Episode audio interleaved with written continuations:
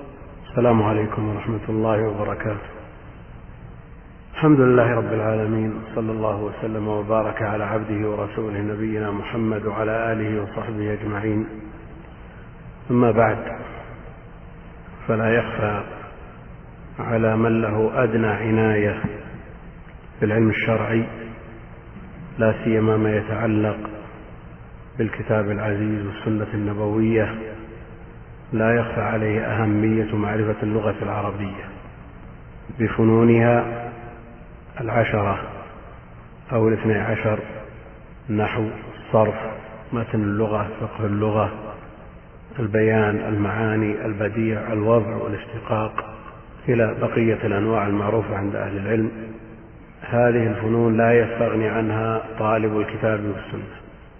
ذلكم لأن القرآن نزل بلغة العرب نزل على محمد بن عبد الله وهو عربي والنبي عليه الصلاة والسلام بلغ رسالة ربه بلسانه بلسان قومه وهم العرب الخلص. فأهمية هذا العلم تأتي من أهمية وحاجة النصوص الشرعية إليه.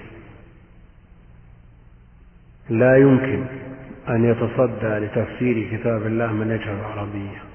لا يمكن أن يبين معنى كلام النبي عليه الصلاة والسلام وهو يجهل اللغة العربية لأنهما عن الكتاب والسنة بلسان العرب. فلا يوجد فرق بين أن يقرأ القارئ إن الله بريء من المشركين ورسوله ورسوله ورسوله. ما في فرق؟ فلا يختل المعنى قلب المعنى. البراءة في عند من يجر الرسول تتناول الرسول عليه الصلاة والسلام. فيكون الله جل وعلا قد برئ من رسوله كبراءته من المشركين وهذا يقلب المعنى. ولذا لما سمعت أعرابية من يقرأ الآية هكذا قالت أو قد برئ الله من رسوله بتغير الإعراب يتغير الحكم الشرعي. ذكاة الجنين ذكاة أمه. رواية الأكثر. والحكم الشرعي على هذا أن الجنين لا يحتاج إلى تذكية لأن ذكاته ذكاة أمه. قول الآخر أن الجنين يحتاج إلى تذكية كتذكية أمه وأنه يذكى. ولا تكفي ذكاة أمه وهذا على رأي من يقرأ الحديث زكاة الجنين زكاة أمه. فاختلف الحكم تبعا لتغير الإعراب. يقول بعضهم إنه يخشى أن يدخل من يلحن في الحديث النبوي في حديث من كذب. يعني إذا قال القارئ إنما الأعمال بالنيات. يقول أخشى أن يكون قد دخل في الحديث من كذب. كيف يدخل في حديث من كذب؟ النبي عليه الصلاة والسلام ما قال أنت افتريت على النبي عليه الصلاة والسلام. بل قال عليه الصلاة والسلام إنما الأعمال. على كل حال أهمية معرفة اللغة العربية بفروعها لا تخفى على من له أدنى عناية بالعلم الشرعي. وإن حاول بعض من ينتسب إلى طلب العلم التقليل من شأن العربية فالنصوص فهمها مبني على فهم اللغة فلا يمكن أن يستغني طالب العلم الشرعي عن هذه اللغة. ومن أهم علوم اللغة النحو والصرف وهما علمان كل واحد مستقل عن الآخر. وإن قال بعضهم أن الصرف داخل في النحو لكن الصرف يبحث في حروف الكلمة حروفها التي تبنى منها والنحو يبحث في عوارض الكلمة ونسبة التصريف إلى النحو كنسبة التشريح إلى الطب. النحو يبحث في العوارض وكذلك الطب بينما التشريح يبحث في الأعضاء كالتصريف. مما ينبغي أن يعنى به طالب العلم من فروع العربية متن اللغة. ينبغي أن يكون عنده رصيد من مفردات اللغة ومن المهمات أيضا فقه اللغة وعلوم البلاغة الثلاثة أيضا لا يستغني عنها طالب علم. كيف يتذوق بلاغة القرآن وفصاحة القرآن وإعجاز القرآن من لا يعرف علوم البلاغة.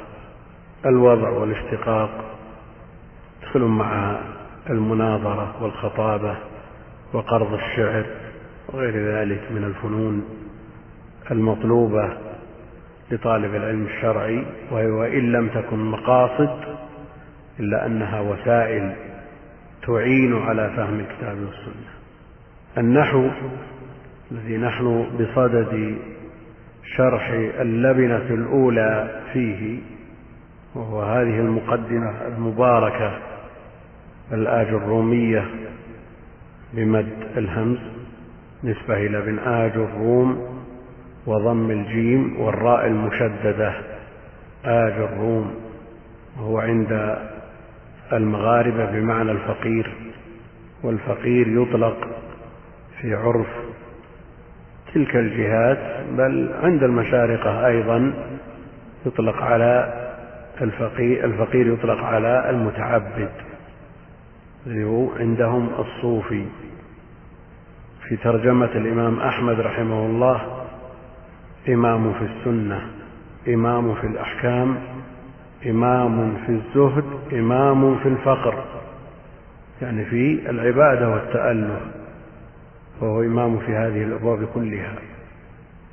ابن آج الروم أبو عبد الله محمد الصنهاجي نسبة إلى صنهاجة قبيلة في المغرب.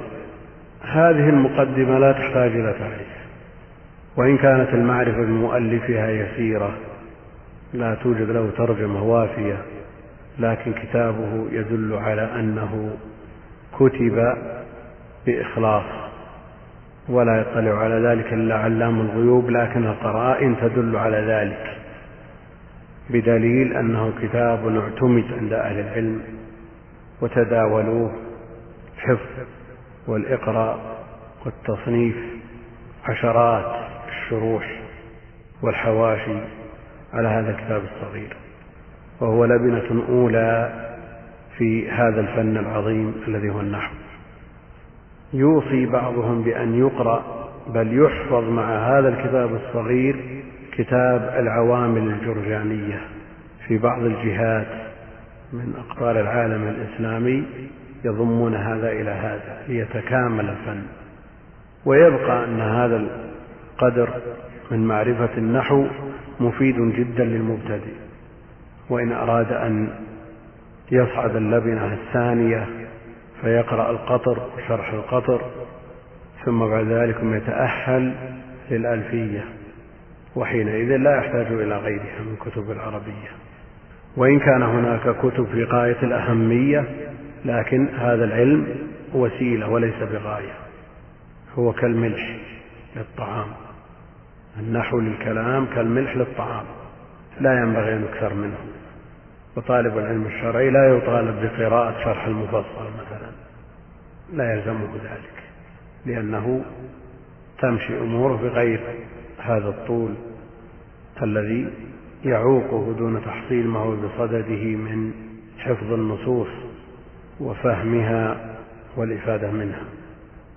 لكن لا بد من معرفة ما يكفي فإذا حفظ الرومية وفهمها وقرأ عليها الشروح حضر الدروس ثم إن تيسر له القطر مع شرحه. طيب. ثم بعد ذلك يتأهل للألفية؟ وإن اكتفى بالملحة فهي كتاب نفيس وسهل. الألفية فيها شيء من الطول وفيها شيء من الصعوبة في الأبيات لكنها أساس متين لهذا الفن.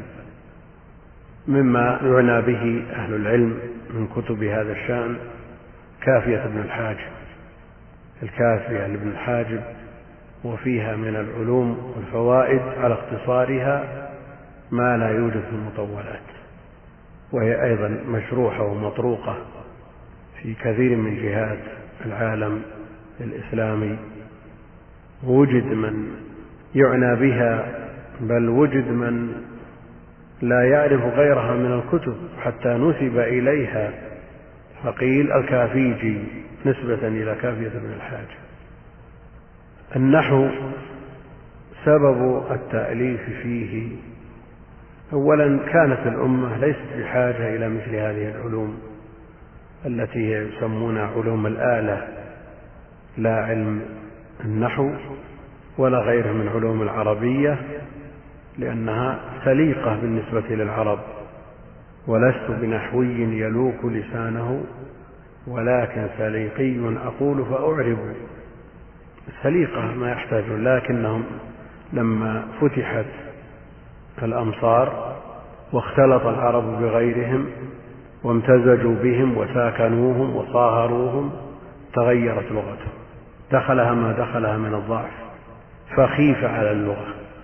حتى إن أبا الأسود الدؤلي واضع هذا العلم سألته ابنته يا أبتي ما أحسن السماء؟ لأن نظرت إلى السماء في ليلة صافية فقالت له ما أحسن السماء؟ فقال أي بني نجومها ظنها تسأل ما الشيء الذي جعلها حسنة؟ فقال النجوم. قالت لا أسأل عن ذلك إنما هي تتعجب. وقال لها قولي ما أحسن السماء؟ إذا أردت أن تتعجب. انقلب المراد. فأحس أهل العلم بضرورة التدوين في هذا الفن؟ الحاجة داعية إلى التأليف فيه ولا يقال إن هذا من البدع. وإن زعم بعضهم أنه من البدع الواجبة لأنه ليس في البدع ما يمدح فضلا عن أن يوجب على الناس بل هو مما لا يتم الواجب إلا به. فهم الكتاب والسنة متوقف عليه. فلا بد منه حينئذ فيكون شرعيا وليس من البدع وكل بدعة ضلالة. علي بن أبي طالب أدرك الحاجة إلى هذا الفن إلى التأليف فيه فأمر أبا الأسود أن يؤلف. وبعضهم يقول إن عليا رضي الله عنه وضع بعض القواعد والأسس لهذا العلم وقال لأبي الأسود انحو نحو هذا. فسمي العلم بالنحو. علي رضي الله عنه من العرب الأقحاح يغار على هذه اللغة التي هي لغة الكتاب والسنة. ولذا استدل الحافظ ابن كثير رحمه الله تعالى بعدم صحة ما نسب إليه من مصحف ينسب إلى علي رضي الله عنه مصحف خاص به. فاستدل الحافظ ابن كثير على عدم صحة النسبة لأنه كتب في آخره وكتب علي بن أبو طالب. فيقال رحمه الله لا يليق بالإمام علي رضي الله عنه مثل هذا اللحن الشنيع. وأيضا وثيقة الصلح بين النبي عليه الصلاة والسلام وبين اليهود في آخرها وكتب علي بن أبو طالب فأبطلها الحافظ بن كثير من وجوه وهذا منها في التاريخ. مع الأسف أنه يوجد في التفسير تفسير ابن كثير في الطبعات الموجودة المتداولة وكتب علي بن أبي طالب على الجادة. الحافظ ابن كثير يريد أن يضعف النسبة بهذا اللحن. فالذين طبعوا الكتاب صححوا اللحن هذا لا يسوق ومثله من طبع التاريخ. هذا لا يسوق كيف تبطل النسبة؟ يريد الحافظ ابن كثير أن يبطل النسبة بهذا اللحن ونصحح اللحن. المقصود أن هذا العلم ليس بحاجة إلى بيان بل مزيد بيان عن فضله وحاجة طالب العلم إليه. قد يكون طالب العلم مكثر من القراءة في هذا الفن ومن الحفظ ومعرفة القواعد وضابط لقواعد هذا الفن لكن إذا قرأ لحن. والعكس قد يوجد من لا يعرف من القواعد إلا الشيء اليسير ومع ذلك لا يلحن إذا قرأ ومرد ذلك المران فالذي يقرأ على الشيوخ الضابطين المتقنين يندر أن يلحن لأنهم يصححون. والذي لا يقرأ ويهاب القراءة عليهم يستمر يلحن ولو ضبط القواعد. سبب التسمية بالنحو قول علي رضي الله عنه انحو نحو هذا.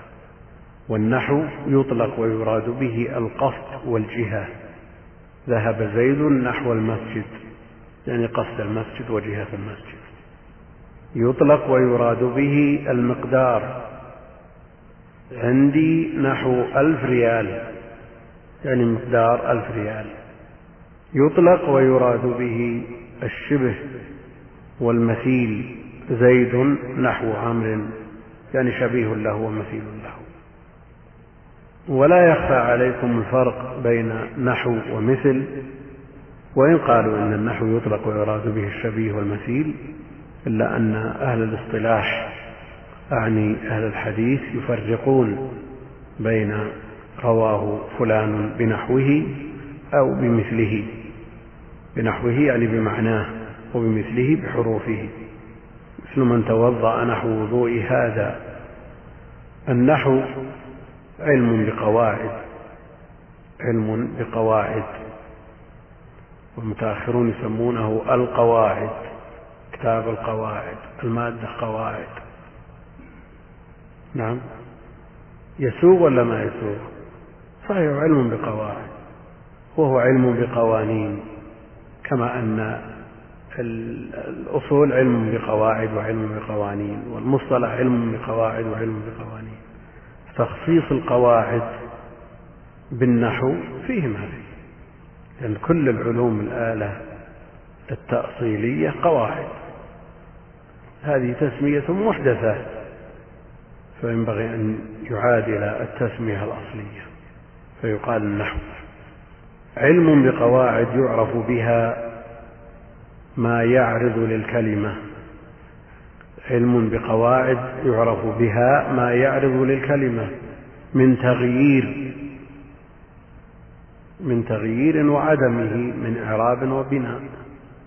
هذا العلم المهم قلنا أن من قرأ هذا الكتاب قرأ عليه الشروح وسمع شروح أهل العلم المسجلة عليه وحضر الدروس استفيد منه وهذه المقدمة المباركة فيها من دقائق العلم ما يخفى على من درج في التعليم النظامي كله يعني من أولى ابتدائي إلى أن يتخرج في الجامعة قد يخفى عليه بعض ما في هذه المقدمة. على صغر حجمها. وهذه المقدمة فيها النفس الكوفي. لأنكم تعلمون أن مدارس النحو اثنتان بصرية وكوفية والمرجح عند الجمهور مذهب البصريين. وفي المقدمة هذه نفس الكوفيين ويأتي التنبيه على ذلك في مواضعه. سم بسم الله الرحمن الرحيم. الحمد لله رب العالمين وصلى الله وسلم على نبينا محمد وعلى آله وصحبه أجمعين. أما بعد فقد قال المؤلف رحمه الله تعالى الكلام هو اللفظ المركب المفيد بالوضع وأقسامه ثلاثة. بارك الكلام الكلام والمراد به هنا عند النحويين عند النحويين. وإن اختلف معناه عند الفقهاء وعند المتكلمين وعند اللغويين يختلف. ما يلفظ به الإنسان كلام عند اللغويين وما يفهم منه المراد كلام عند الفقهاء ولو قل ولو ولو كان من حرف واحد. والمتكلمين واقصد بذلك من تلبس بشوب بدعة عندهم الكلام هو النفسي وعند النحويين الكلام هو اللفظ وبهذا يرد على المتكلمين لأنه لا ينسب لمن لم يلفظ كلام هم يقولون هو الكلام النفسي. نعم. الشخص يزور ويؤلف الكلام في نفسه ثم ينطق به لكنه قبل النطق به لا يسمى كلام. قبل النطق به لا يسمى كلام وإنما يسمى حديث نفس. وحديث النفس ليس بكلام بدليل أن حديث النفس معفو عنه. ما لم يتكلم فدل على أن حديث النفس غير الكلام. حديث النفس غير الكلام. والمبتدعة هؤلاء من المتكلمين زعموا أن الكلام هو الحديث النفسي. حديث النفس لكي لا يصفوا كلام الله جل وعلا بأنه حرف وصوت. كما قال سلف الأمة وأئمتها. هم لا يثبتون الكلام الحرفي الصوتي. الله جل وعلا تكلم. تكلم ويتكلم. تكلم في الأزل في الماضي ويتكلم متى شاء. بكلام بصوت وحرف يسمع. وهؤلاء لا يثبتون الحرف ولا الصوت. وأن كلامه أزلي تكلم به في القدم ولا يتكلم بعد ذلك وهذا كلام مردود سلف الأمة وأئمته على خلاف ذلك. ولذا قال المؤلف الكلام لأنه هو المقصود بالذات فبدأ به هو اللفظ. اللفظ مصدر يراد به اسم المفعول الملفوظ والأصل في اللفظ الطرح والإلقاء. كما تقول لفظت النواة إذا طرحتها. اللفظ المركب من كلمتين فأكثر. فالكلمة الواحدة ليست بكلام. الكلمة الواحدة ليست بكلام. ولأنها وإن كانت لفظا إلا أنها غير مركبة من كلمتين فأكثر. المفيد قد يكون الملفوظ به كلام. ملفوظ به مركب من كلمتين أو ثلاث أو أربع كلمات لكنه لا يفيد وحينئذ لا يسمى كلاما. إن قام زيد هذا كلام ليس بكلام. دعونا من اصطلاح اللغويين كلام لكن هل هو مفيد؟ لا يفيد. حتى تتم أجزاء الجملة بالجزاء وحينئذ يكون مفيدا. وإن تركب من ثلاث كلمات إلا أنه غير مفيد فليس بكلام على هذا. اللفظ المركب المفيد فائدة يحسن السكوت عليها. فإذا قلت زيد قائم. هذا لفظ مركب من كلمتين مفيد فائدة يحسن السكوت عليها. فائدة. زيد قائم. هل يمكن أن يقول لك السامع كيف قائم؟ كيف قائم إيش معنى قائم يعرف معنى قائم إذا سمع هذا الكلام سكت. زيد قادم. يسكت. لأن جملة تامة من مبتدأ وخبر والخبر الجزء المتم الفائدة. يحسن السكوت عليها من قبل المتكلم والسامع. بالوضع. بالوضع. المراد به الوضع العربي. يعني ما كان بلغة العرب. وعلى هذا تخرج جميع لغات الأعاجم. فلا تسمى كلاما لغات الأعاجم كلها لا تسمى كلام. إنما الكلام ما كان بالوضع العربي. كلام الفرس والروم والبربر والهنود والزنوج وغيرهم من أصناف الأعاجم لا يسمى كلام. لأنه يخرج بالقيد الأخير بالوضع العربي. ومنهم من يقول المراد بالوضع هنا القصد. القصد يدخل الكلام المقصود وإن كان بغير العربية. الكلام المقصود يدخل وإن كان بغير العربية إذا كان مفهما ويخرج بذلك الكلام وإن كان مفيدا اجتمعت فيه القيود السابقة يخرج بذلك إذا لم يكن مقصودا ككلام النائم مثلا. هذا ليس بكلام. كلام الساهي والغافل ليس بكلام لأنه غير مقصود. كلام بعض الطيور المعلمة لا يسمى كلام لأنه غير مقصود لأن الطيور لا قصد لها. يقول ابن مالك رحمه الله تعالى في تعريف الكلام كلامنا لفظ مفيد كاستقم. كلامنا لفظ مفيد كاستقم. لفظ تقدم البيان. منطوق به. مشتمل على الحروف المعروفة.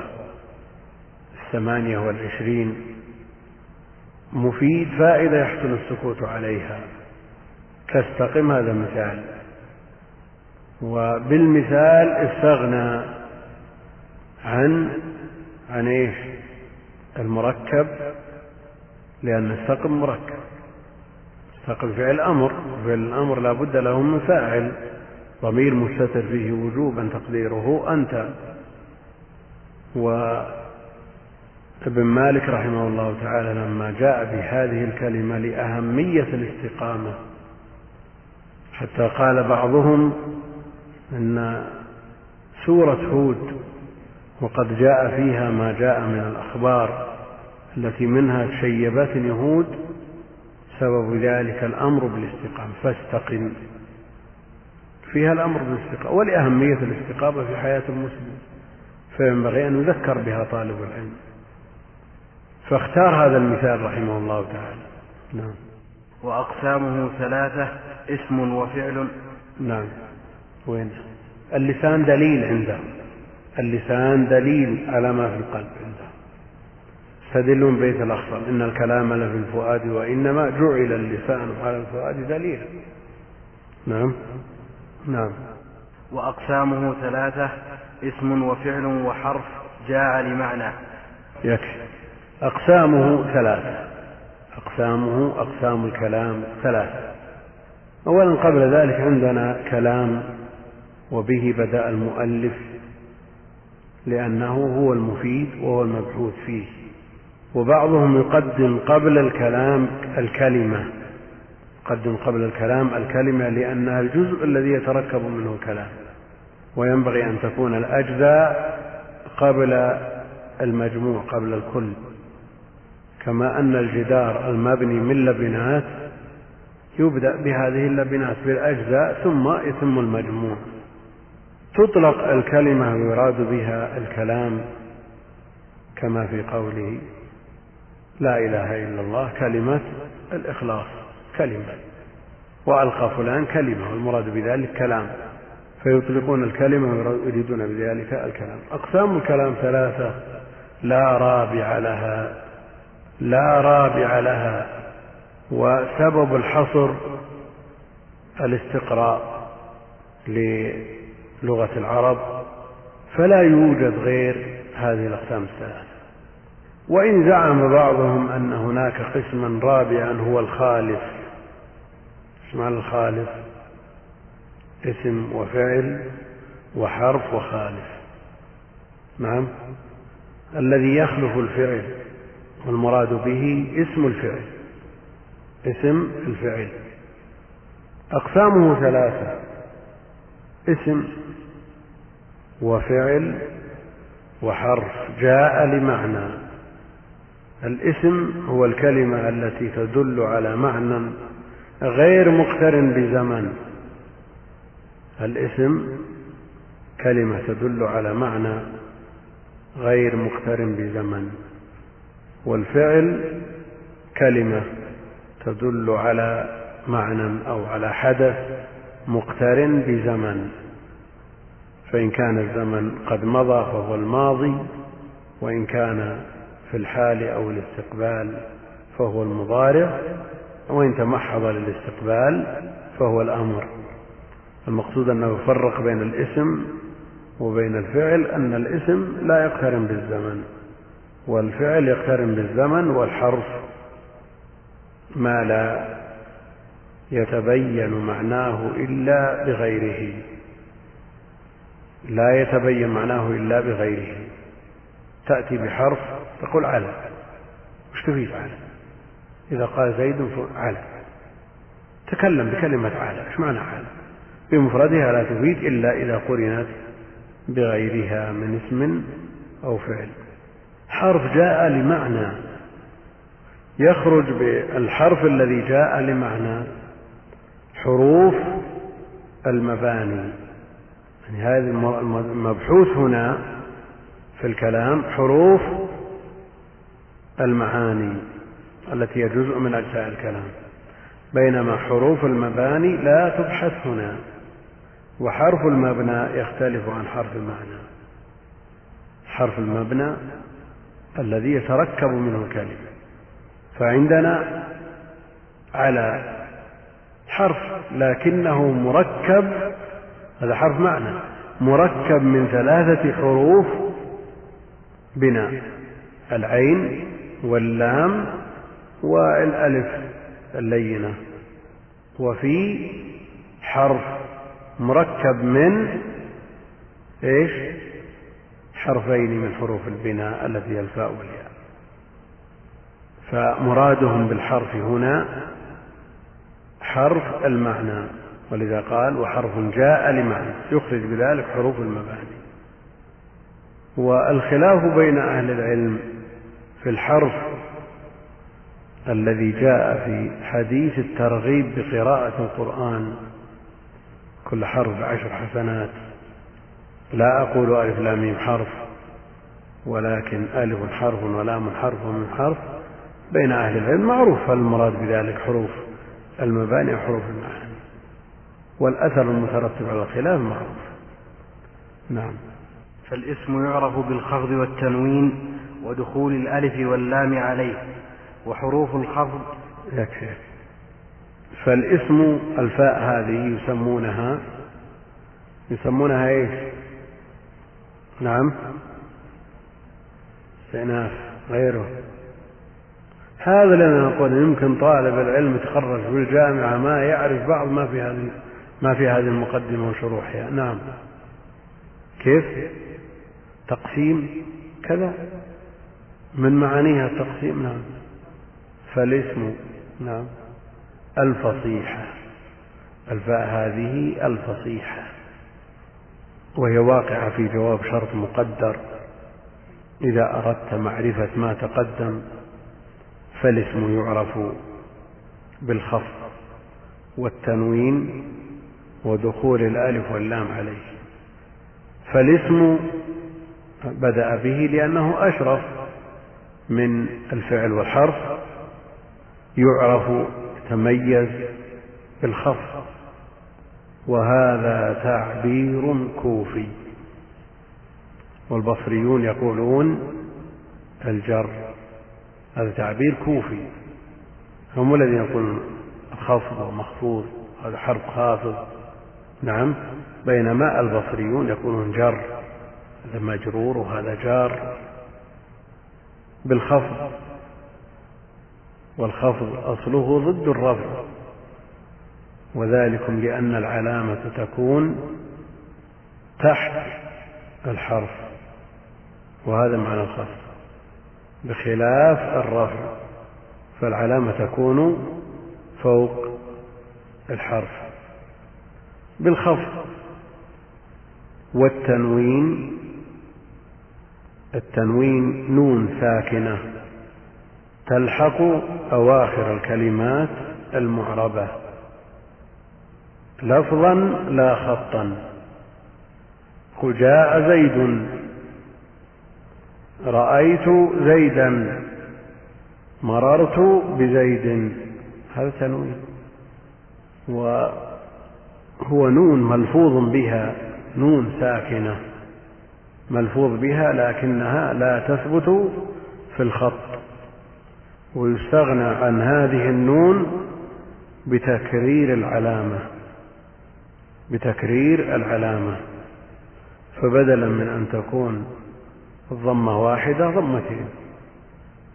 وبدلا من أن تكون النصب حركة واحدة تكون مكررة وكذلك علامة الجر. هذا التنوين بالخفض والتنوين ودخول الألف واللام عليه. ودخول الألف واللام عليه. ال ابن مالك رحمه الله تعالى يقول بالجر والتنوين والنداء وال ومسند للاسم تمييز حصل. وهنا قال بالخفض والتنوين ودخول الألف واللام عليه. اكتفى بثلاثة لأن الكتاب مؤلف للمبتدئين ويأخذون ما زاد على ذلك من كتب المرحلة التي تلي مرحلة المبتدئين. بالجر والتنوين والندى وأل. وهناك قال ودخول الألف واللام.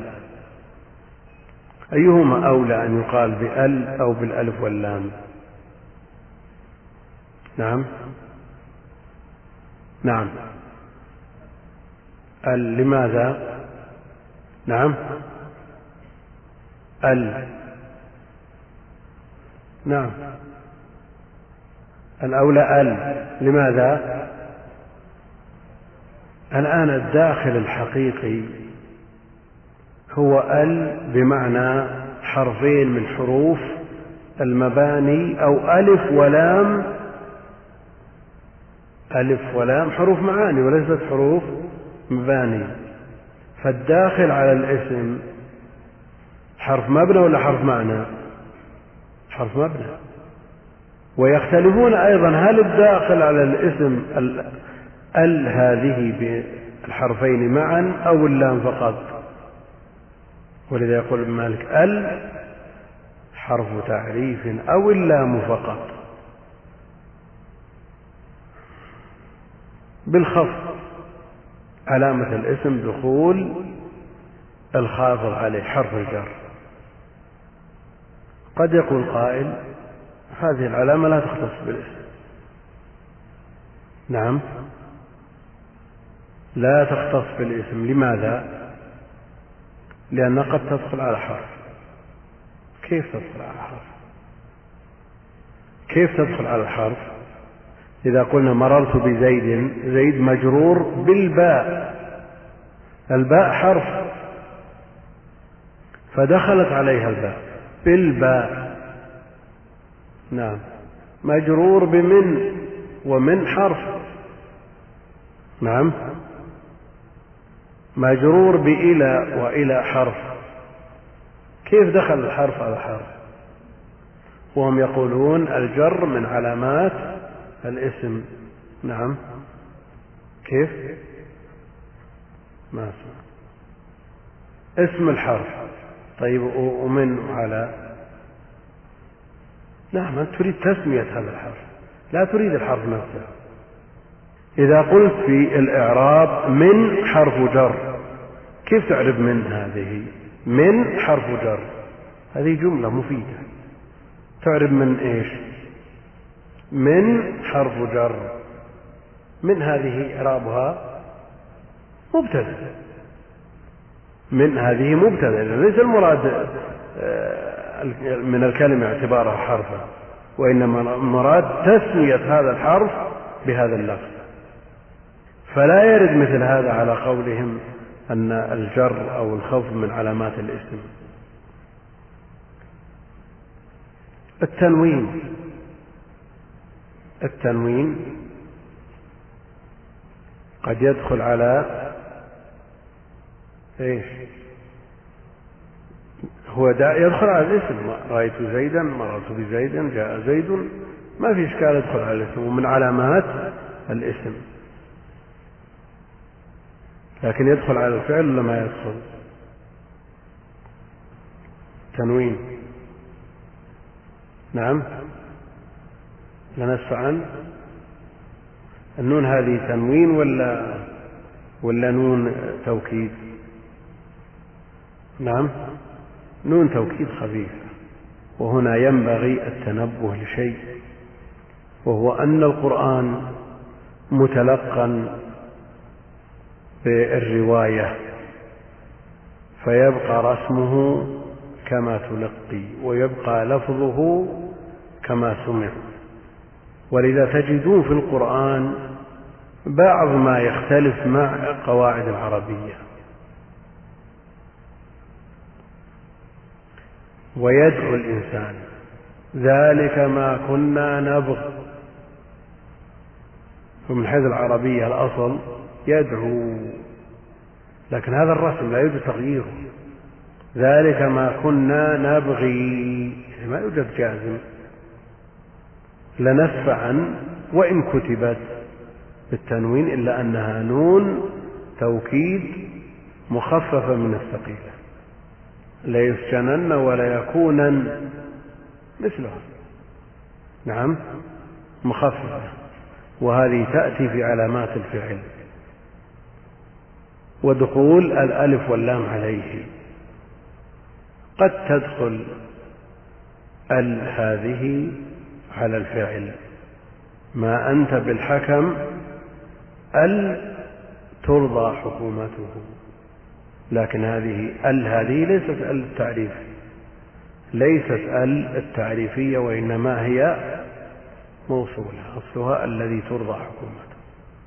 الذي ترضى حكومته. بعد هذا ذكر المؤلف رحمه الله تعالى حروف الجر. حروف الخفض على حد تعبيره وأطال فيها فذكر منها وحروف الخفض.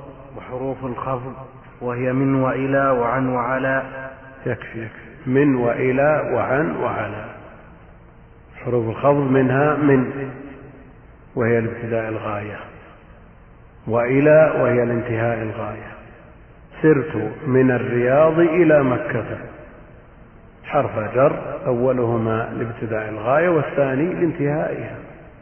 ابتداء الغاية من الرياض ونهاية الغاية إلى مكة. وعن ومن لها الحروف هذه حروف معاني. ولذا يحسن لطالب العلم أن يعنى بالعوامل الجرجانية وأيضا ما فوق العوامل كمغني اللبيب.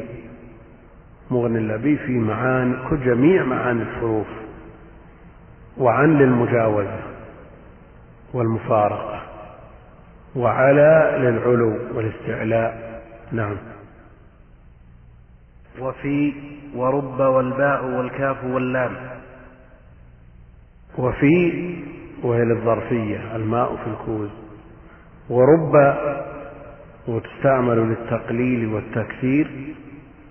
رب رجل كريم لقيته والكاف وهي للتشبيه زيد كعلي واللام وهي للملك المال لزيد وشبهه الجل للفرس والقفل للدار.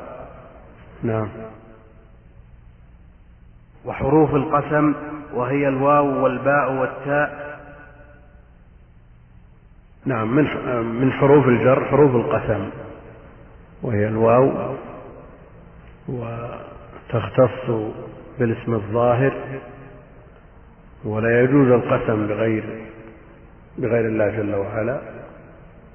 حلف بغير الله فقد أشرك فهي مختصة بالاسم الظاهر. تقول والله والرحمن والرحيم.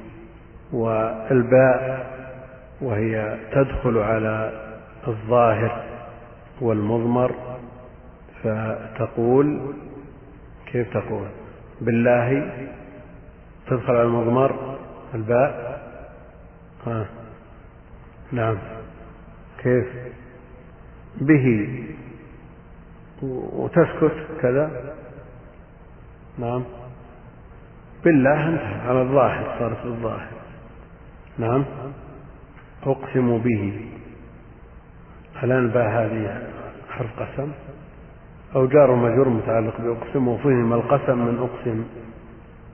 هم يمثلون بقسم لا يجوز يقولون بك لأفعلن نعم. يمثلون بهذا ويقولون تدخل على الظاهر والمضمر. إذا مضى ذكر الرب جل وعلا.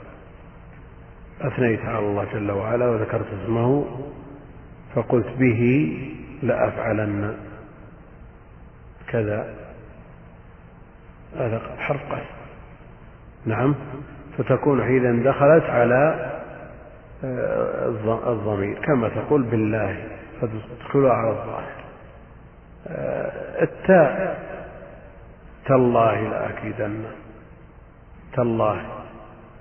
وهي مختصة بهذا اللفظ. وإن سمع كرب الكعبة. نعم. الأصل برب الكعبة. والتاء من حروف القسم تالله. من حروف القسم. وهي مختصة بلفظ الجلالة تالله. وسمع كرب الكعبة. كالباب لكنه قليل. نعم. والفعل يعرف بقد والسين وسوف وتاء التأنيث الساكنة. والفعل هو الذي يلي الاسم باعتبار أن له علامة مثل الاسم فألحق به وعقب به. يعرف بقد وتدخل على الماضي فتفيد التحقيق. وتدخل على المضارع فتفيد التقليل. قد قام زيد. تحقيق. تدخل على المضارع قد يقوم زيد قد ينجح الكسلان للتقليل. لكنها قد تأتي هذه للتحقيق. قد يعلم الله المعوقين. نعم. لكن الغالب فيها التقليل. بقد والسين. السين هذه حرف تنفيس وهي تمحض المضارع للاستقبال. القريب سيقوم زيد سيقول السفهاء. وسوف هي حرف تنفيس أيضا وتمحض المضارع للاستقبال مع التراخي. سوف يقوم زيد. سوف أستغفر لكم ربي. نعم. تنفيس مع التراخي. وتاء التأنيث الساكنة. قامت هند. هذه تاء تأنيث ساكنة. علامة من علامات الفعل. يقول ابن مالك رحمه الله بالجر والتنوين والنداء وأل ومسند للاسم تمييز حصل. يعني مما يتميز به الاسم الإسناد إليه. بأن يكون فاعلا أو مبتدأ. بالجر والتنوين والندى وأل ومسند للاسم تمييز حصل. بتا فعلت وأتت ويفعلي ونون أقبلن فعل ينجلي. تاء التأنيث الساكنة. تاء التأنيث الساكنة المقصود بها المفتوحة. هي التي هي من علامات الفعل. وتدخل على الفعل الماضي. نعم. والحرف ما لا يصلح معه دليل الاسم ولا دليل الفعل. الحرف هو ثالث الأقسام ولا رابع لها كما سمعنا يعرف بعلامة عدمية. علامة الاسم وجودية وعلامة الفعل وجودية. علامة الحرف عدمية. بمعنى أن الحرف يعرف بعدم قبول علامات الاسم وعدم قبول علامات الحرف والحرف ما ليس له علامة فقس على هذا تكن علامة. والحرف ما ليس له علامة فقس على هذا تكن علامة. ابن مالك نظر الأقسام الثلاثة بالجيم والحاء والخاء. الجيم والحاء والخاء ويتم التنظير لو كان المهمل هو الأخير. نعم. الجيم علامته الإعجام من أسفل والخاء علامته الإعجام من أعلى والحاء علامتها العدم عدم النقط فجعلوا الحاء بمنزلة الحرف. والجيم جعلوها بمنزلة الاسم والخاء بمنزلة الفعل وهذا مجرد تنظير لكن لو كان الإهمال في الأخير نعم تم التنظير وطابق سم. باب الإعراب. الإعراب هو تغيير أواخر الكلم لاختلاف العوامل الداخلة عليها لفظا أو تقديرا. نعم الإعراب انتهى المؤلف من تعريف الكلام. وأقسامه وبدأ بالإعراب الذي هو فائدة هذا العلم. فائدة هذا العلم معرفة الإعراب. الإعراب وهو مصدر أعرب يعرب إعرابا مثل أكرم يكرم إكراما. والإعراب أصله الإفصاح والتبيين. هنا يريدون به يريدون به التغيير التغيير تغيير أواخر الكلمة الإعراب تغيير والصرف تغيير ولا مو تغيير نعم صرف تغيير. بما يخرج الصرف من من الحد نعم الإعراب تغيير الأواخر والصرف نعم. ما عدا الآخر. نعم. والتصرف فيما عدا الآخر. تغيير أواخر الكلم. حسب العوامل. تبعا للعوامل. جمع عامل. والمراد بها المؤثرة. تحقيقا أو أو تقديرا. أو تقديرا. هناك عامل مؤثر. تأثير محقق. وعامل مؤثر وهو مقدر. عامل مؤثر محقق وعامل مؤثر مقدر. فرق بينهما. تغيير. عندنا تغيير. فزيت مثلا. قبل تركيبه مع غيره يتغير ولا ما يتغير وما حركته قبل دخول العوامل عليه. حركته إيش مرفوع بإيش؟ العامل. وش؟ قلنا قبل العامل. أنا أقول قبل العامل. نعم؟ موقوف. زيد موقوف. قبل دخول العامل عليه. والعامل إما أن يكون لفظي أو معنوي. العامل إما أن يكون لفظي كجاء مثلا جاء زيد أو إن زيدا قائم أو رأيت زيدا. هذا عامل لفظي. هناك عوامل معنوية وليست لفظية. كالابتداء مثلا. الابتداء الآن زيد قائم مرفوع بأي شيء. العامل فيه الابتداء. فأقول إذا قلت مرفوع تقول على مرفوع بالضمة. ما ينفع. مرفوع بالابتداء علامة رفعه الضمة الظاهرة. هذا عامل لكنه معنوي وليس بلفظي. تغيير أواخر الكلم تحقيقا أو تقديرا. تحقيقا إذا سلم من المانع من ظهور الحركة. فجاء زيد جاء فعل ماض وزيد فاعل مرفوع على رفعه الضمة الظاهرة رأيت زيدا رأيت فعل وفاعل وزيدا مفعول منصوب علامة نصبه الإيش؟ الفتح الظاهر. تنوين هنا. مررت بزيد مررت فعل وفاعل والباء حرف جر وزيد المجرور بالباء وعلامة جره الكسر الظاهر. هذا الإعراب إيش؟ تحقيق. تحقق فيه الإعراب. نأتي إلى مثل جاء الفتى. جاء الفتى. جاء فعل ماضي. والفتى فاعل مرفوع بضمة مقدرة على الألف. منع من ظهورها إيش؟ التعذر لأنه يتعذر ظهور الإعراب في المقصور. رأيت الفتى رأيت فعل وفاعل والفتى مفعول به منصوب بفتحة مقدرة منع من ظهورها التعذر مررت بالفتى كذلك.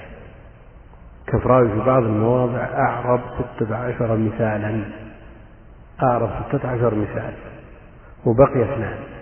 قال وإعرابهما كما مر. نعم. وإعرابهما كما مر. طيب. نعم. لا ما بقي إلا ما بقي إلا اثنين لو أعربهم كأن ما ضر مررت بالفتى هذا تقديرا لأن الضمة والفتحة والكسرة لا تظهر على المقصور؟ طيب لو أتينا إلى المقصور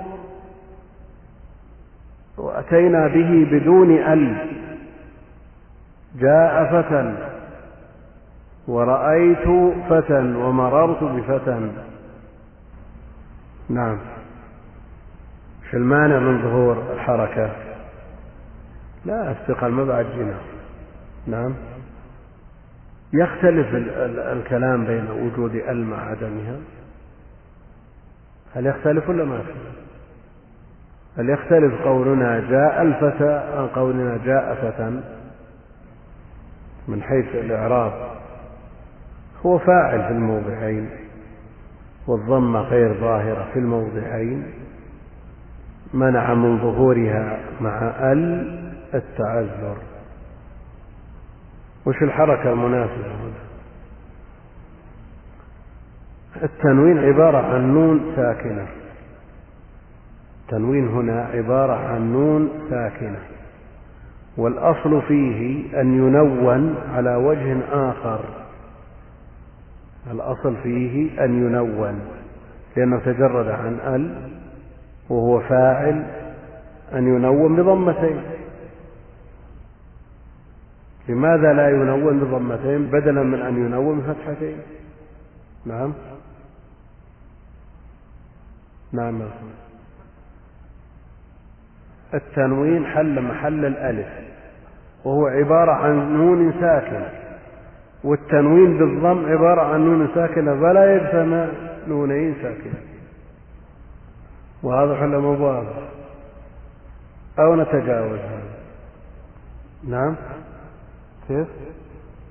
إيه لكن هل هناك استعداد لفهم مثل هذه الأمور ولا أنت جاوز الأمور الواضحة باعتبار من الكتاب للمبتدئين. نعم. لأن مثل هذا الكتاب يعني كتاب في النحو شامل لكثير من الأبواب يصلح أن أن يدرس المبتدئين. طلاب الصف الأول الابتدائي ويدرس يدرس أساتذة والكلام فيما يعرض حول هذا الكتاب. تقديرا فيما يتعذر ظهوره كالمقصور وفيما يثقل إظهاره كالمنقوص. نعم المنقوص. المقصور انتهينا منه والمنقوص هو ما اتصل آخره بالياء. جاء القاضي. جاء القاضي. ورأيت القاضي ومررت بالقاضي. المنقوص في حالتي الرفع والجر يثقل النطق بالضمة والكسرة. ثقيل ولا ممكن؟ ليس بمستحيل. الفتى لا يمكن أن تقول جاء الفتى ما يمكن. انقلبت الألف ياء تحريف. لكن يمكن أن تقول جاء القاضي لكنه ثقيل. مررت بالقاضي ثقيل. قاضي ثقيل. لكن مررت بالقاضي مجرور بكسرة مقدرة منع من ظهورها الثقل. ونعرف الفرق بين التعذر وبين الثقل. التعذر لا يمكن النطق به والثقل يمكن النطق به مع ثقل الكلمة على اللسان وعلى السامع المنقوص الذي آخره ياء الذي آخره ياء في حالة النص رأيت القاضية فتح خفيفة فعلامة النصب ظاهرة لأنها خفيفة. في الثقيل لأن المانع من الضمة والكسرة الثقل وفي حالة النصب خفيفة المنقوص هذا إذا لم يقترن بأل جاء قاض ومررت بقاض ورأيت قاضيا قاضيا. من يعرف قوله تعالى يوم يدعو يوم يدعو هل إيه لا طيب أعرف. طيب ظرف زمان ماله هو يبنى الظرف ها؟ كيف؟ الظرف مبني ولا ما؟ متى يبنى الظرف؟ كيوم ولدته أمه. متى يبنى الظرف؟ نعم. هذا يوم ينفع ها؟ مبني ولا معرب هو الأصل فيه معرب هو معرب لكن متى يبنى؟ كيوم ولدته أمه. متى يبنى؟ نعم. إذا أضيف إلى جملة ها؟ كمل ما هو مطلقا فعلية هذا يوم ينفع أضيف إلى جملة. إذا أضيف إلى جملة صدرها مبني كيوم ولدته ولد مبني. لكن إذا كان صدرها معرب هذا يوم ينفع. يعرف يوم ظرف متعلق ها بيدعو لكن متعلق أين متعلق الظرف؟ ظرف والجار ومجرور لابد له من متعلق. نعم. يمكن يتعلق متأخر بزيد مررت. جار مجرور متعلق بإيش؟ طيب ويوم يدعو. نفسه أو تقدر فعل. اذكر يوما ها يدعو. طيب. يدعو. فعل مضارع.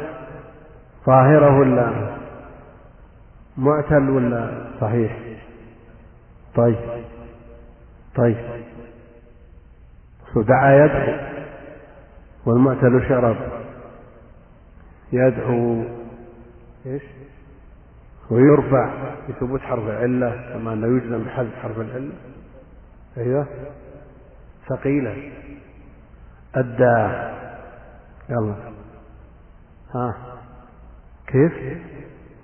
ضمة إيش؟ على إيش؟ يعني ضمة مقدرة على الياء المحذوفة. محذوفة الايش ليش حذفت؟ أصوات داعي. شو اللي حذف الياء هنا؟ نعم. محذوف ولا غير محذوف؟ في القرآن. محذوف. شو اللي حذف؟ نعم. ما في إضافة. بعدين مقترن بأل القاضي والعاصي والهادي. نعم. حذفت اتباعا للرسم. حذفت اتباعا للرسم.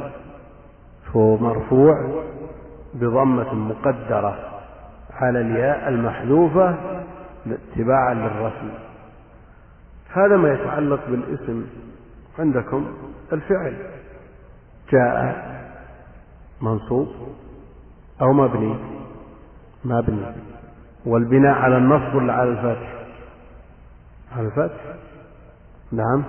فالفتح علامة بناء والنصب علامة إعراب. طيب. يقوم. يقوم زيد. مرفوع. لماذا؟ لتجرده عن الناصب والجازم. وعلامة رفع الضمة الظاهرة يقوم زيد. يدعو ذكرناه يخشى موسى ربه. يخشى موسى ربه. كيف نعرف هذا؟ نعم. مبني ولا مرفوع؟ متعذر تعذر منع من ظهور التعذر. على ما تقدم. مثل الفتح صح ولا لا؟ متعذر موسى. مقصور متعذر وربه نعم. ظاهر. رب مضاف. طيب. لن لن يكرم زيد أخاه. لن يكرم زيد أخاه. يكرم. فعل مضارع منصوب بلن وعلامة نصبه فتح فتح ظاهر. نعم. هذا فعل آخره يا يمشي يمشي زيد إلى المسجد. يمشي زيد إلى المسجد. نعم. يمشي. أنا معتل مشى يمشي. معتل. طيب. والمعتل؟ نعم. علامته تقليدية. صحيح. أو ثبوتية. بما يجزم حذف رجل وبما ينصب. بفتح الظاهر. وبما يرفع. ضمة مقدر طيب. تحقيقا أو تقديرا. عرفنا هذا. اقرأ وأقسامه أربعة رفع ونصب وخفض وجزم. أقسام الإعراب. أقسام الإعراب أربعة رفع ونصب وخفض وجزم. هذه الأربعة رفع ونصب وخفض وجزم. اثنان مشتركان الرفع والنصب. بين الأسماء والأفعال. تختص الأسماء بأي شيء؟ بالخفض. تختص الأفعال بالجزم. لا جزم في الأسماء ولا خفض في الأفعال. نعم. فللأسماء من ذلك الرفع والنصب والخفض ولا جزم فيها. طيب. لا جزم في الأسماء. ولا خفض في الأفعال. للأفعال من ذلك الرفع والنصب والجزم ولا خفض فيها. لأنه تقدم أن الجر من علامات إيش؟ الاسم. والرفع والنصب جعل إعراب لاسم وفعل نحو لن أهاب. والاسم قد خصص بالجر كما قد خصص الفعل بأن ينجزم. الاسم له من علامات الإعراب الثلاث الرفع والنصب والجر. فتقول رأيت زيدا وجاء زيد ورأيت زيدا ومررت بزيد. وسبق إعرابها. والفعل له ثلاث علامات. ولا يدخل في الجر لما تقدم من أن الجر والخفض من علامات الاسم. الرفع يقوم والنصب لن يقوم والجزم لم يأكل لم يشرب لم يقم. هذه علامات الإعراب. والإعراب إنما يكون للمتمكن للمتمكن. أما غير المتمكن فإنه يبنى. المتمكن من الأسماء يعرب بخلاف غير المتمكن وغير المتمكن هو المشبه للحرف هو المشبه للحرف. والمتمكن ينقسم إلى قسمين متمكن أمكن تظهر فيه جميع العلامات ومتمكن غير أمكن. تظهر فيه نعم بعض الحركات. كالممنوع من الصرف. تظهر عليه الضمة والفتحة ولا يظهر عليه الجر. الجر بالفتحة.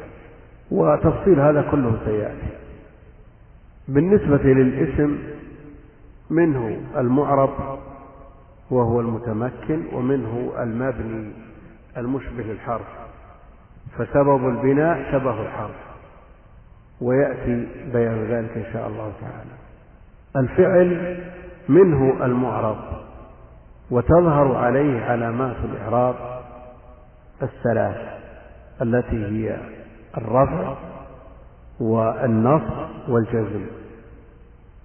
وهو إيش؟ من الأفعال المضارع. بخلاف الماضي فإنه مبني خلاف أيضا الأمر فإنه مبني أيضا. جاء زيد جاء فعل ماض مبني على إيش؟ الفتح يجيء زيد فعل مضارع معرب مرفوع. علامة رفعه الضمة الظاهرة وزيد فاعل. لن يجيء زيد. لن يجيء زيد. يجيء فعل مضارع معرب منصوب بلن علامة نصبه فتح ظاهرة لم يجئ زيد. نعم. علامة جزمه لم يجئ سكون لم يجئ على آخر على الهمزة طيب. ويدعو الإنسان بالشر دعاءه بالخير. ويدعو. أصله دعا الماضي والمضارع. يدعو. من يعرب ويدعو الإنسان؟ ويدعو الإنسان نعم. كيف؟ دعنا من الوصف كيف يدعو يهمنا الفعل. إيش؟ طيب. ماله مرفوع. بالضمة وين الضمة؟ الضمة وين؟ على إيش؟ مقدرة على العين ظاهرة على العين ظاهرة. على الواو الإيش؟ فيه واو. طيب تمام. المقدرة على الواو المحذوفة اتباعا للرسول هذا يقول كثير من الوقت يكون في الإعراب الواضح عند كثير من الطلاب ما يشعرهم بالملل نرجو مراعاة ذلك.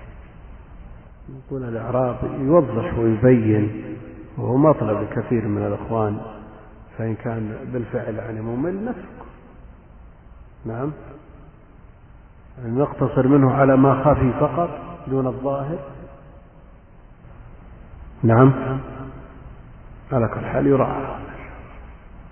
وإن كان الإعراب مهم بالنسبة لهذا الفن على وجه الخصوص. يعني الشروح لم بيقرأ الشروح الذي يقول هذا الكلام. الشروح كلها إعراب. لأن هذا لبنة أولى للطالب المبتدئ. ولا يمكن يتمرن الطالب إلا إذا أكثر من الأمثلة وإعرابها. يقول ما الوسائل والكتب المفيدة لتعلم الإملاء؟ نعم. نعم. هناك كتاب اسمه الإملاء للشيخ حسين والي من شيوخ الأزهر ومعه أيضا كتاب بحجمه اسمه تمرين الإملاء. هذا كتاب نافع في بابه وتمرينه يمرن على الكتاب. هذا يقول ذكرت في تفسير الفاتحة أن البدل يعرب عطف بيان إلا في ثلاث مسائل. معروف كلام مالك و وصالح لبدلية يرى في غير نحو يا غلام يعمر غير بشر تابع البكري إلى آخره. يراجع تراجع على الفيل. يقول اقترح لو شرح الدرس بأكمله. دون أن يتخلله مداخلات ثم بعد نهاية الشرح يسأل عما سبق شرحه. لكن هذه المداخلات أحيانا نحتاج إليها. أحيانا هذه المداخلات تحتاج إليها لتوضيح ما شرح أو قصر في شرحه أحيانا أو عدم وضوحه في بعض الأحيان. يقول أرجو توضيح أسماء الكتب التي ذكرتها. يعني من شروح هذه الأمية من أهمها شرح الكفراوي والعشماوي وشرح الشيخ خالد الأزهري. هذه شروح نفيسة. يقول أرجو مراعاة أن هذا الدرس للمبتدئين وخصوصا أن كثيرا من طلاب العلم المبتدئين سوف يستفيدون من خلال الأشرطة المسجلة. يراعى ذلك. يقول لم ينل الطالب الجائزة. ومثله لم يقم زيد. يقول ينل لماذا حذفت ألف ينال هل هو منع الالتقاء الساكنين؟ نعم منع الالتقاء الساكنين. ومثله لم يقم زيد لم يقم. زي عبد الرحمن. وللأفعال من ذلك الرفع والنصب والجزم ولا خفض فيها. الأفعال تشترك مع الأسماء وهذا ذكرناه. في الرفع والنصب وتنفرد بالجزم ولا جر فيها ولا خفض فيها على ما تقدم من أن الخفض الذي هو الجر من خواص الأسماء كما أن الفعل مخصص بالجزم ويجزم من الأفعال إيش؟ المضارع. ويبنى الأمر على ما يجزم به مضارعه. قد يكون الكلام مركب ومفيد وهو من حرف من حرف واحد. ها مثل نعم. قي وأيضا عي إيش معنى قي فعل أمر من الوقاية. فعل أمر من الوقاية. فهذا الفعل فعل الأمر مع فاعله المستتر كلام. وعي فعل أمر من إيش؟ نعم من الوعي من الوعي. وهذا الفعل الأمر أصله وعى يعي عي. وفعل الأمر يبنى على ما يجزم به مضارعه. يبنى على ما يجزم به ومثله قي من الوقاية. أصله وقع يقي أقسامه ثلاثة. سبق شرح ذلك كله لكن نريد أمثلة للكلام مثال للكلام المفيد. المركب. كلام. نعم. كيف؟ الله واحد. طيب. مبتدا وخبر. نحرص الأخوان أن تكون الأمثلة من القرآن. نحرص أن تكون الأمثلة من القرآن. الله واحد. الله مبتدا واحد الخبر. الله أكبر. كذلك. طيب. بعض المؤذنين يقول أشهد أن محمدا رسول الله. كلام مفيد ولا غير مفيد؟ غير مفيد. كلام غير مفيد. لماذا؟ نعم. نعم الخبر الجزء المتم الفائدة. ما جاء الخبر؟ ما جاء الخبر. ولذا يخطئ من المؤذنين من يقول أشهد أن محمدا رسول الله. ولا يصح أذانه بذلك.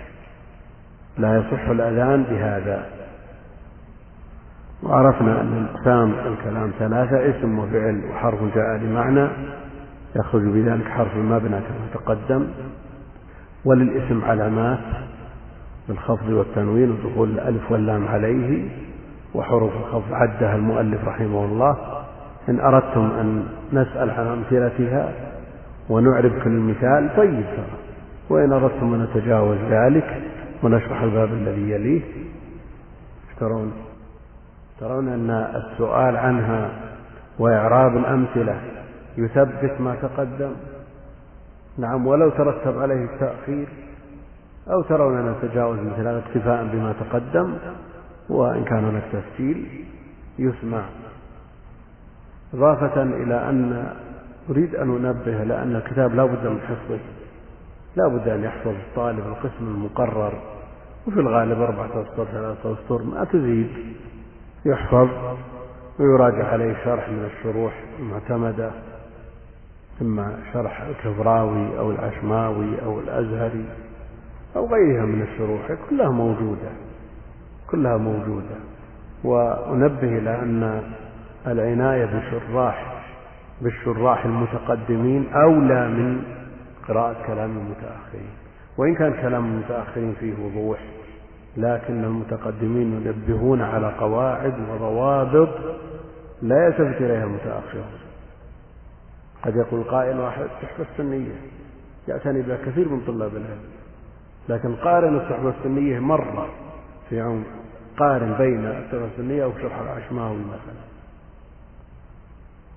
وما يذكره من قواعد وضوابط يمكن ما تمر عليك عمرك كله. شرح الأزهري شرح واضح ومتين وطيب. الكفراوي فيه ميزة لا توجد في غيره وهو أنه عنده الجلد جلد غريب على الإعراب. جلد غريب على الإعراب بمعنى أنه لا ينتهي الطالب من قراءته إن صبر على قراءته وإلا فهو ممل. إن صبر الطالب على قراءته لا ينتهي منه إلا وقد أوتي ملكة إعرابية. لكن على طالب العلم أن يصبر. فلا شك أن الكتاب معتنى به من المتقدمين والمتأخرين. هناك شروح كثيرة جدا يعني ما يمكن حصرها شروح للمتقدمين شروح أيضا للمعاصرين الموجودين الآن. فأقول على طالب العلم أن يعنى بالشروح المتقدمة ويكثر من التطبيق عليها ويختبر عمله بإعراب القرآن. يقول يوجد كتاب اسمه المنظومة البعير في نظم الأجرومية. هل أفضل حفظ النظم الذي في هذا الكتاب أم حفظ المتن الأجرومية؟ حفظ المتن هو الأصل ثم بعد ذلك إذا أراد أن يحفظ نظمه لا بأس يقول هذا طالب علم مبتدئ وبداية بالقرآن والحديث ولكنه متعود على العامية حتى في قراءة القرآن. العلم بالتعلم وبالإمكان أن يدرك. الإنسان ولو كان كبير السن وصالح بن كيسان يعد من كبار الآخذين عن الزهري وقد بدأ التعلم وهو كبير. حتى قيل في ترجمته أنه بدأ بطلب العلم وهو عمره تسعين سنة. فلا يأس الإنسان ولو كان كبيرا أن يبدأ التعلم من جديد. بالمتون الميسرة السهلة ثم بعد ذلك إلى ما فوقها وبالمناسبة حضر عندنا طالب كبير السن وهو من الأعراف الذين يصعب عليهم التعلم حضر الأجرومية منذ زمن حضر الرحبية ويقول أنه حضر القطر عند عند بعض المشايخ حضر الألفية وقلت له قلت له ما صنع الله بك؟ قال حفظنا الأجرمية والقطر والألفية ولا ما, ما بقي إلا الزرادية اللي ما يريد الله له شيء يكفيه أن يكتب في زمرة المتعلمين يكفيه أن يسلك الطريق للتحصيل. من سلك طريقا يلتمس فيه علما سهل الله له بطريق إلى الجنة وإن لم يدرك يقول أفضل الطبعات من كتاب البداية والنهاية وتفسير ابن كثير. البداية والنهاية معروف طبعة ابن تركي لا بأس بها بالنسبة للطبعات الأولى. وتفسير الحافظ ابن كثير هنا طبعة يقال له طبعة أولاد الشيخ في خمسة عشر جزءا فيها عناية وفيها مقابلة نسخ وتحقيق وتخريج. يقول ذكرتم أن سبب انتشار هذا المتن هو إخلاص مؤلفه في تأليفه. كيف يزيد المسلم في إخلاصه لله عز وجل في طلب العلم؟ يعالج يعالج النية ويتحسسها ويداوم التفقد يتفقد نفسه باستمرار ويصدق اللجأ إلى الله عز وجل. هل ينصح بحفظ المتن أم يكفي, أم يكفي الاستظهار له؟ لا ينصح بحفظه لا سيما وأنه متن قصير ما يكلف شيء. يعني وإذا أخذناه بالتدريج في خمسة أسطر لمدة أسبوع ما تكلف شيء يعني. يقول هل يصلح هذا الدرس للمبتدئ في الطلب؟ هو هو المقصود به المبتدئ. المقصود به المبتدئ. على القول الأول في معنى الوضع فماذا يسمى ما يلفظ به غير العرب؟ نعم.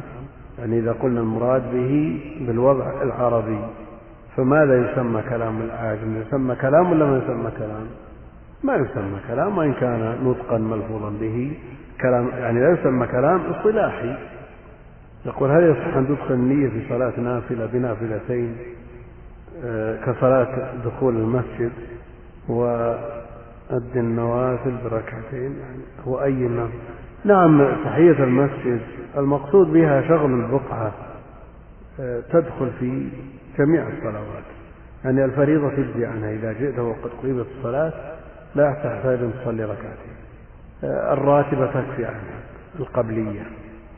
يقول آه، قال ابن أبي الروم هنا عن الكلام أنه اللفظ المركب أي المؤلف من كلمتين فأكثر وقال ابن مالك كلامنا لفظ مفيد كاستقم فهنا عند ابن مالك أن الكلمة تكون واحدة فكيف الجمع بينهما؟ لا ابن مالك اكتفى بالمفيد وبالمثال عن أن يكون عن التصريح بكونه مركبا. يقول ما رأيكم في من يكسر اللغة؟ من العمالة الوافدة من باب الدعوة تعليم الدين. يعني ما هم من من العمالة من أجل العمالة ليدعو العمالة يخاطبهم بما يفهمون لا بأس يغيث هذا الكلام عن معاني الحروف مع الشواهد القرآنية. قل نقتصر على مثال واحد في كل حرف من حروف المعاني وإلا مغني اللبيب كفيل بجميع المعاني. وأشرت في بداية الدرس أن طالب العلم لو يعنى بالعوامل. المئة للجرجاني مع هذه المقدمة يحصل التكامل إن شاء الله تعالى. هذا يسأل عن اسم الفعل. هو في معناه معنى الفعل. صهن يعني اسكت. وماهن يعني أكفف. وبخن يعني أستحسن. لكن لقبوله علامات الاسم جعلوه اسم. يقول هل يكتفى بسماع الأشرطة المسجلة وعدم الحضور؟ من يتمكن من الحضور يحضر. من يتمكن من الحضور ولا يحضر هذا لا يحصل له أجر سلوك الطريق. لكن الذي لا يتمكن من الحضور ويسمع الأشرطة ويسأل أهل العلم بالهاتف لبعده عنهم وعدم استطاعته الحضور يكتفى بذلك. هذا أفضل من من الترك. يقول هل لميامن الصفوف فضل على مياسرها؟ نعم. يقول ما الثمرة المترتبة من الخلاف على كون الحرف حرف معنى أو مبنى؟ يعني في الحديث من قرأ حرف من القرآن فله بكل حرف عشر حسنات. الثمرة المترتبة أن العدد يختلف. إذا قلنا المراد بالحديث حروف المباني فالقرآن أكثر من ثلاثمائة ألف حرف. وإذا قلنا حروف المعاني فهو سبعين ألف. الربع. الربع. فرق بين أن يحسب لك ثلاثة ملايين حسنة على الختمة الواحدة أو يكتب لك سبعمائة ألف. فرق كبير. يقول بعبارة عربية رصينة لا تقولن معروف جزاك الله خيرا فهذا متن من أوائل المتون. يعني يبين كل شيء معناه معنى هذا يريد أن يبين كل شيء ولو كان بدهيا. يعني ولو كان بدهيا والطلب حي يحقق إن شاء الله تعالى. بعض الأخوان يتساءل ويقول درسنا النحو مرار. يقول إنه ما استفاد لسانه ما استقام لسانه. النحو لا شك أن له فوائد. منها أنه سبب في عصمة اللسان من اللحن. وهذا يستفيد منه الخطيب والداعية والمدرس هو الذي يحرص أن يقرأ على الشيوخ ويقومون له خطأ وهذا في الغالب يستفيد. أما الذي يقرأ القواعد النظرية ويسمع الشروح لكنه لا يطبق ذلك في خطابة ولا قراءة ولا تعليم ولا غير ذلك فإنه في الغالب لا بد أن يقع منه اللحن إذا احتاج إلى شيء من ذلك مستقبلا. لكن الفائدة في فهم الكلام المقروء. هذا ولو لحن وسبق لسانه إلى اللحن إذا ألقى كلمة أو خطبة أو درس فإنه إذا أتقن المادة وطبق عليها فإنه لن يخطئ فيما إذا قرأ كتابا يتوقف فهمه على فهم العربية مثل نصوص الكتاب والسنة. الإنسان إذا ألقى خطاب مثلا يلحن لأنه ما اعتاد ذلك. إذا ألقى خطبة لحن ألقى كلمة يلحن لأنه ما تعود على ذلك. قرأ بين يدي الشيخ ولو كان من أحفظ الناس لقواعد العربية ومن أفهم الناس لها قد يلحن. وهذا خلل لا شك لكنه أقل من الخلل الثاني الذي يقع فيه من لا يعرف العربية البتة وأن مثل هذا لا يفهم الكلام الذي يحتاج إلى فهمه أو في فهمه إلى العربية. وإذا أراد الإنسان أن يختبر فهمه لهذا العلم ما عليه إلا أن يمسك الفاتح سورة الفاتح. ويعرب الفاتح يعرب سورة الفاتحة إعرابا تفصيليا. ثم يقارن بين إعرابه وبين كتب إعراب القرآن في الفاتحة. كتب إعراب القرآن كثيرة للمتقدمين والمتأخرين والمعاصرين. كلهم كتبوا في إعراب القرآن وأكثرهم تفصيلا من تأخر. فإذا طابق إعرابه إعرابهم يكون قد أتقن هذا العلم. إذا نقص بنسبة يسيرة لا يضر يعني تسعين بالمئة خمسة وثمانين بالمئة. إذا وافق في سبعين بالمئة يكون أنجز إنجاز طيب لكن عليه أن يقرأ كتابا آخر ويحضر بعض الدروس ليستكمل ما فاته لأنه لا يتصور في كتاب واحد أن يتقن جميع ما يحتاج إليه. ولذا أهل العلم لا يقتصرون على كتاب واحد. تجد العالم الواحد يقرأ الأجرمية ويقرأ القطر ويقرأ الألفية لتتكامل في الإفادة.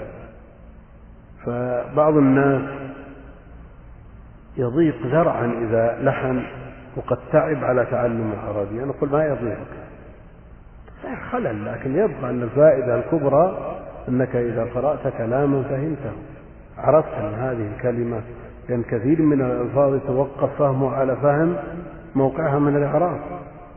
فأنت إن لحنت لكونك لم تعتد النطق على مقتضى القواعد لأنك لم تتعود. يعني من زاول الخطابة وعنده ما يكفيه من النحو هذا في الغالب لا يلحن مثلا الذي يعنى بالقراءة على الشيوخ ويحرص على ذلك عند الشيوخ أهل العناية الذين يعنون بالرد على الطالب إذا لحن مثل هذا يستفيد كثيرا. لكن الإشكال أنه قد يكون القارئ بعض طلاب العلم المدركين ليس بطالب مبتدئ يسهل الرد عليه. فيتأخر الشيخ لا بالإحراج لهذا الشخص ولا يرد عليه. أنا أقول ليس من مصلحة الطالب أن يترك. وإن كان بعضهم يتحرج من كثرة الرد على الطالب. فأقول هؤلاء الذين يلحنون لا يضيق ذرهم هم إن لم يفيدوا من النحو في هذا الباب أفادوا منه الفائدة الكبرى والنتيجة العظمى المرجوة من هذا الفن وهو فهم نصوص الكتاب والسنة. والله أعلم وصلى الله وسلم وبارك على عبده ورسول نبينا محمد.